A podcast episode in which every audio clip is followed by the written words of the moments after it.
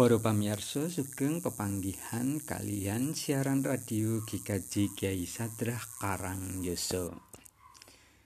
Panci menika kita badhe nindakaken kridaning ponco sembah bekti ing dinten Minggu Paskah kaping gangsal Suryo sedasa Mei kalih ewu kalih dosa. Semoga kita sami cecawis kanthi nindakaken sembah raga ngudi murih raga tansah pinanggih resik. Minangka srana kita sami ngunjukaken pandonga menika Duh Gustining dumadi sampeyan dalem sampun itahaken sagung dumadi kanthi becik lan prayogi. Binerkahono sagung titah murih tansah ngunjukaken panembah. Binerkahono tirta ingkang badhe kawula anggi minangka sesuci lan sedaya patirtan ing pundiya papan. Inggih tirta ingkang sampun paring panenan kangge sapin lan pategalan. Tirta ingkang paring raos seger sarta nyucikaken sedaya tumita. Sampeyan dalem dadosaken tirta padusan dados suci amargi keparingipun Sang Kristus nampi padusan suci ing bengawan Yarden. Amargi Sang Kristus ngrilakaken lambungipun jinaja tumbak ingkang jalari medal rah lan toya ingkang nelesi Ibu Pertiwi. Mugi tirta wening ati ingkang dados lambanging gesang menika dados rono kangge kawula sesuci raga murih kinalisna saking sukerta lan memalaning jagat.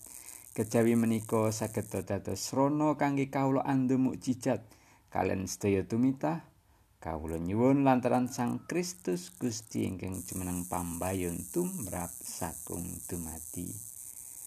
Amin. Para pamirsa kakalih prayogi menawi anggen kita nindakaken sembah raga ing cak-cakaning krida panca sembah kita cawisaken toya wonten ing gelas ingkang sak rampungipun kita ngapekti ing tengahing brayat.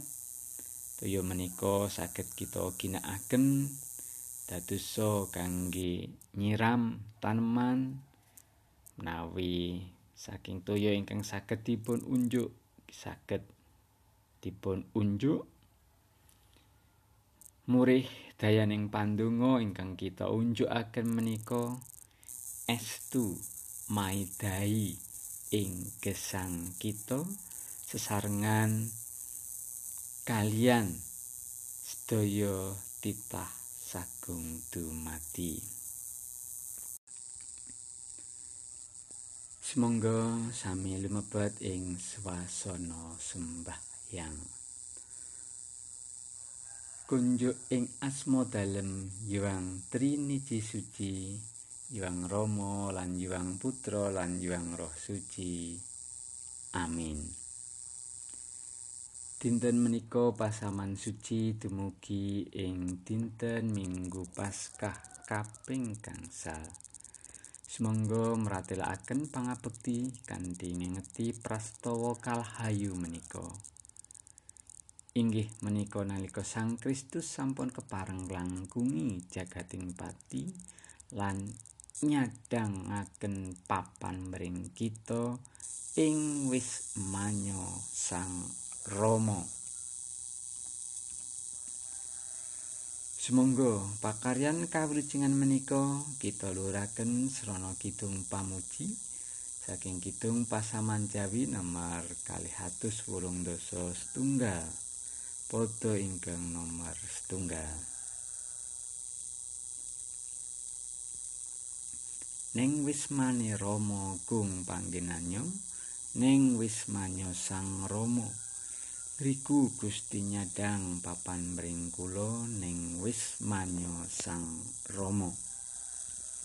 Indah wis manyo promukti tan kenging winirasa ngriku para suci girang memuji neng wis manyo sang rama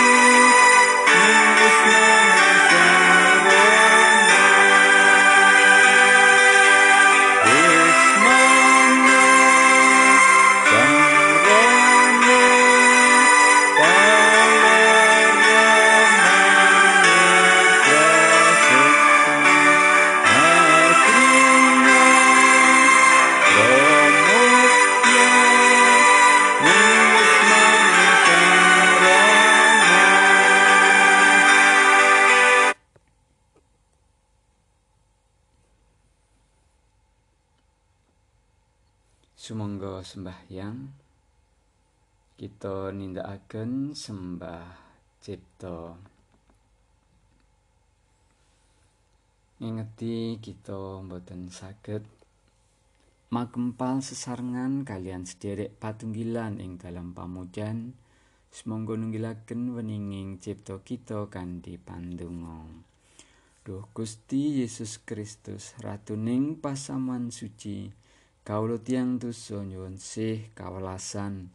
Duh Sang Immanuel keparungan nunggilan mulang kawula kados nalika nyarengi lampahipun murid kekalih tumuju Emmaus Piwulang ingkang jalari tiyang kalih ingkang swanipun katelasan karusan nampi daya linuwe Kawula nyuwun Duh Gusti keparungan nunggil minangka sumbering karusan kangge sedaya tiyang Wah malih ingkang dados kurban COVID-19 pikantuk libur lan kegiatan. Para tenaga medis ingkang dados cucu ing jurit nampi daya linuwe lan para pangreh pangembating praja kaparingana kawicaksanan. Kawula prayating pasaman suci sami sembahyang mugi nyasmitani pangluwaring jagat saking panandang amargi pagebluk mayang koro menika. Ing asma tuan kawula nyuwun. Amin. Semoga kita nampi wausan suci dinten minggu menika. Atetales wausan Injil dinten menika saking Injil Yohanes kawan welas. Ayat setunggal dumugi sekawan welas. Kawulo badhe maosaken. Ayat setunggal dumugi tiga mekaten. Atimu aja melang-melang padha kemandelo ing Allah iya kemandelo ing aku uga ing daleme ramaku akeh panggonan. Menawa ora mengkono kuwi rak mesti wis padha dak kandhani. Awit aku mrono perlu nyawisake papan marang kuwi dene menawa aku smrono lan wis nyawisake papan kanggo kuwi tumuli aku bakal bali lan ngajak kuwi menyang ing papan padununganku. Supaya ing ngendi padununganku kuwi iya padha ana ing kono uga Makaten Injil dalam Gusti Rahayu ingkang mirengaken nilingaken lan nyuraos ing saklebeting patos. Pinuji Gusti ingkang langkungi pati. Haleluya. kita lumebet ing kridaning sembah suksmo kanthi nyurahos bab ning wismane sang Rama Para pamirsa sedaya tiyang kagungan wisma kejawi sederek kita ingkang winastan tuna wisma Keporo wisma menika saduhu mujudaken kabetahan pokok tumrap jalma manungsa ingkang gesang ing tengahing jagat raya. Wonten ing wisma tiang saged ngiyup saking Jawa. Saged ngayom saking panasing surya. Ing wisma ugi tiang saged ngleremaken penggalih saha gladi raos sumarah ngantos sumeleh. cekakipun wis mujudaken papan pangayuman tumraping raga ingkang dados papaning suksma. Kanthi panyuraos menika kita saged mangertos kenging menapa bab wismanipun Sang Rama dados penting. Gusti Yesus tentu saged ngraosaken saipo wigatosipun wisma menika. Kita tentu enget kalian pangandikanipun duk rikala semanten. asuwawar padha dwirong lan manuk ingo lan manuk ing awang-awang padha duwe susuh nanging putraning manungsa ora dipanggonan kanggo nyelehake si rai. Saking ngriku kita saged nglengganani seibo empati saibo sih kawelasanipun Gusti Yesus dhateng manungsa tuhu linanggung nate ngrasaken gesang ing jagat tanpa papan nyelehaken mestaka panjenenganipun kepingin para kagunganipun sampun ngantos ngalami kados panjenenganipun kanthi sih piwelasipun ingkang luber-luber ngudi murih para kagunganipun pikantuk papan ingkang mirunggan ing dalmipun sang Rama supados para kekasihipun sami pikantuk papan ing wismanipun Sang Rama. Ngantos-antos pareng nyari rani piyambak anggenipun nyawisaken papan kangge kita sedaya. Awit aku mrono perlu nyawisake papan marang kowe. Saipo bekjo kita kagungan sang pamarto ingkang ngantos manten ageng sih katresnanipun. Para pamirsa menika mujudaken berkah mirunggan. Amargi sak wanci-wanci suksma kita wangsul papanipun sampun cumawis. Lah ing ngriki wigatosipun kita kanthi tabri nindakaken sembah suksma. tujuanipun supados suksma kita mboten kecalan papan ing wismanipun Sang Rama. Kados pundi kita mbayangaken wismanipun Sang Rama menika? Kados pundi cara anggenipun Gusti Yesus nyari rani nyawisaken papan kangge kita ing wismanipun Sang Rama? Wismanipun Sang Rama sinebat ugi kraton swarga. Swarga ing ngriki sanes wewangunan. swarga ngungkuli pangertosan sloslaning papan lan kala utawi ngungkuli pangertosan ruang kalian waktu swarga sinebat wisma amargi ing wisma menika wonten raos ayem tentrem kalis saking rubeda wonten pangayuman katresnan lan tujuan Wismane Sang Rama menika dados sangkan lan paraning gesang amargi ing wonten kawilujengan. Dados mboten saged namung kapayangaken bilih wisma menika blegeripun kados wewangunan ngungkuli pangertosan ruang lan wektu menika wisma ing kraton swarga.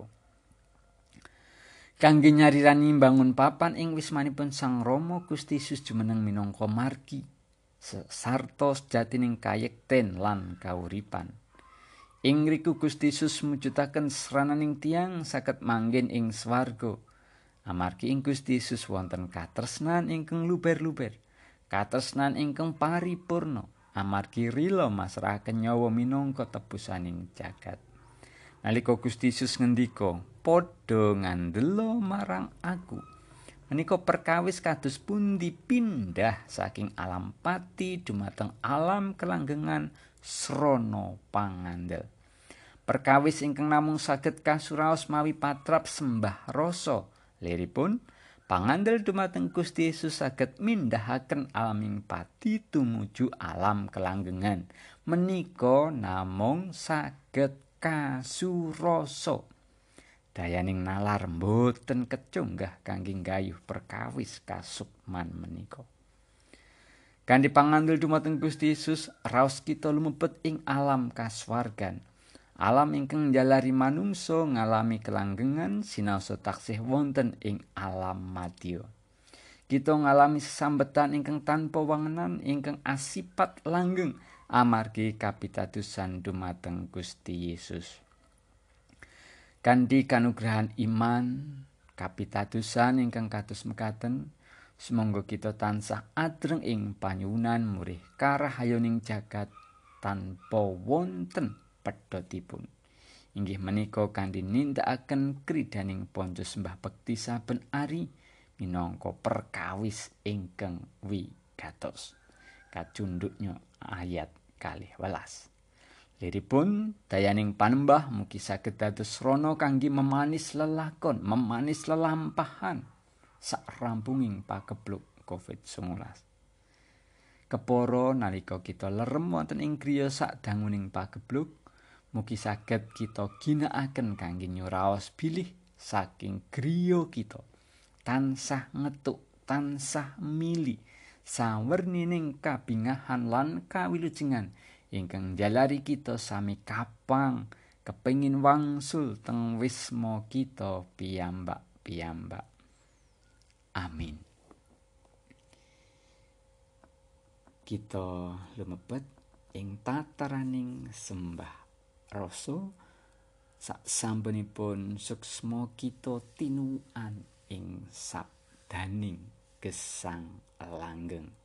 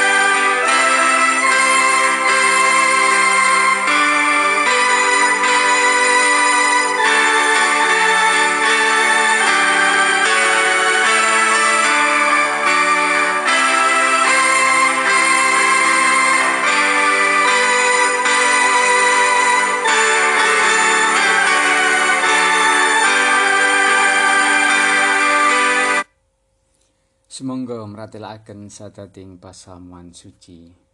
Kawula pitados dhateng Allah Sang Rama ingkang Maha Kawasa ingkang nitahaken langit lan bumi. Inggih pitados dhateng Yesus Kristus ingkang putra untang anting Gusti kawula. Ingkang kabuptaken dening Roh Suci miyos saking prawan Maryam.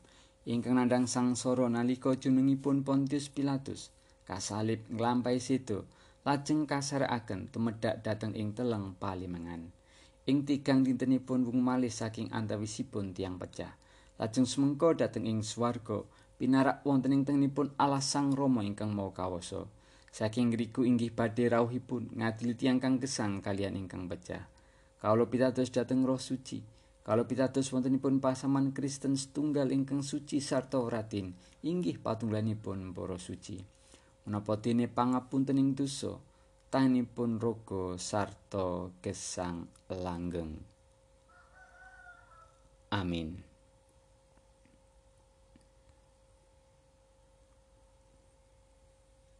Semoga sami ngempalaken pisungsung kanthi ngulukaken kitung pasaman Jawi kalih atus wolung dosa setunggal foto ingkang nomor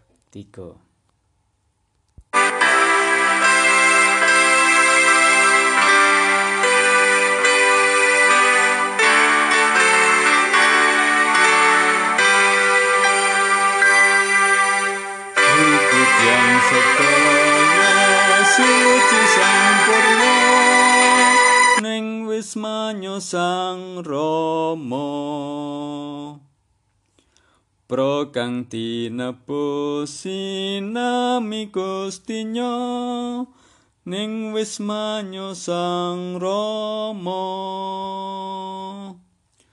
Indah wis manyo pramukti tan kenging wini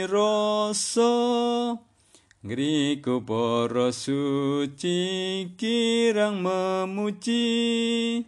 Ning wis manyo sang rama. Wis manyo sang rama palermane prosuksma nagrinya promok setya ning wis manyo sang rama.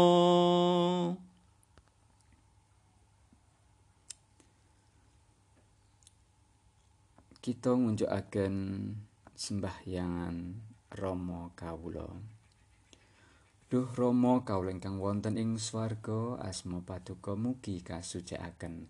Kraton paduka mugi rawuh kersa paduka mugi kelampahan wonten ing bumi kados dene wonten ing swarga.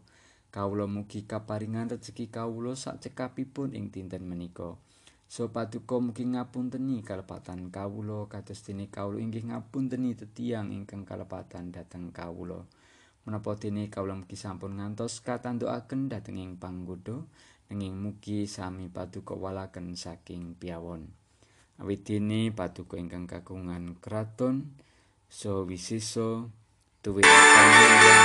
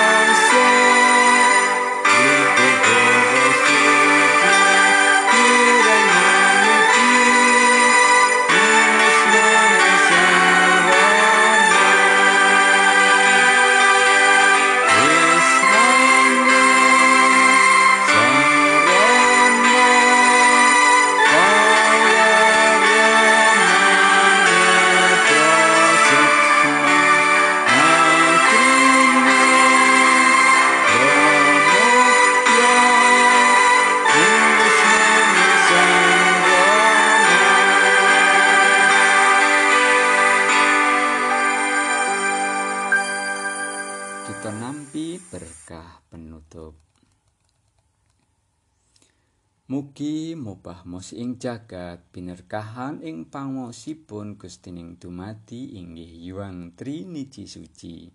Yuang Rama lan Yuang Putra lan Yuang Roh Suci. Amin.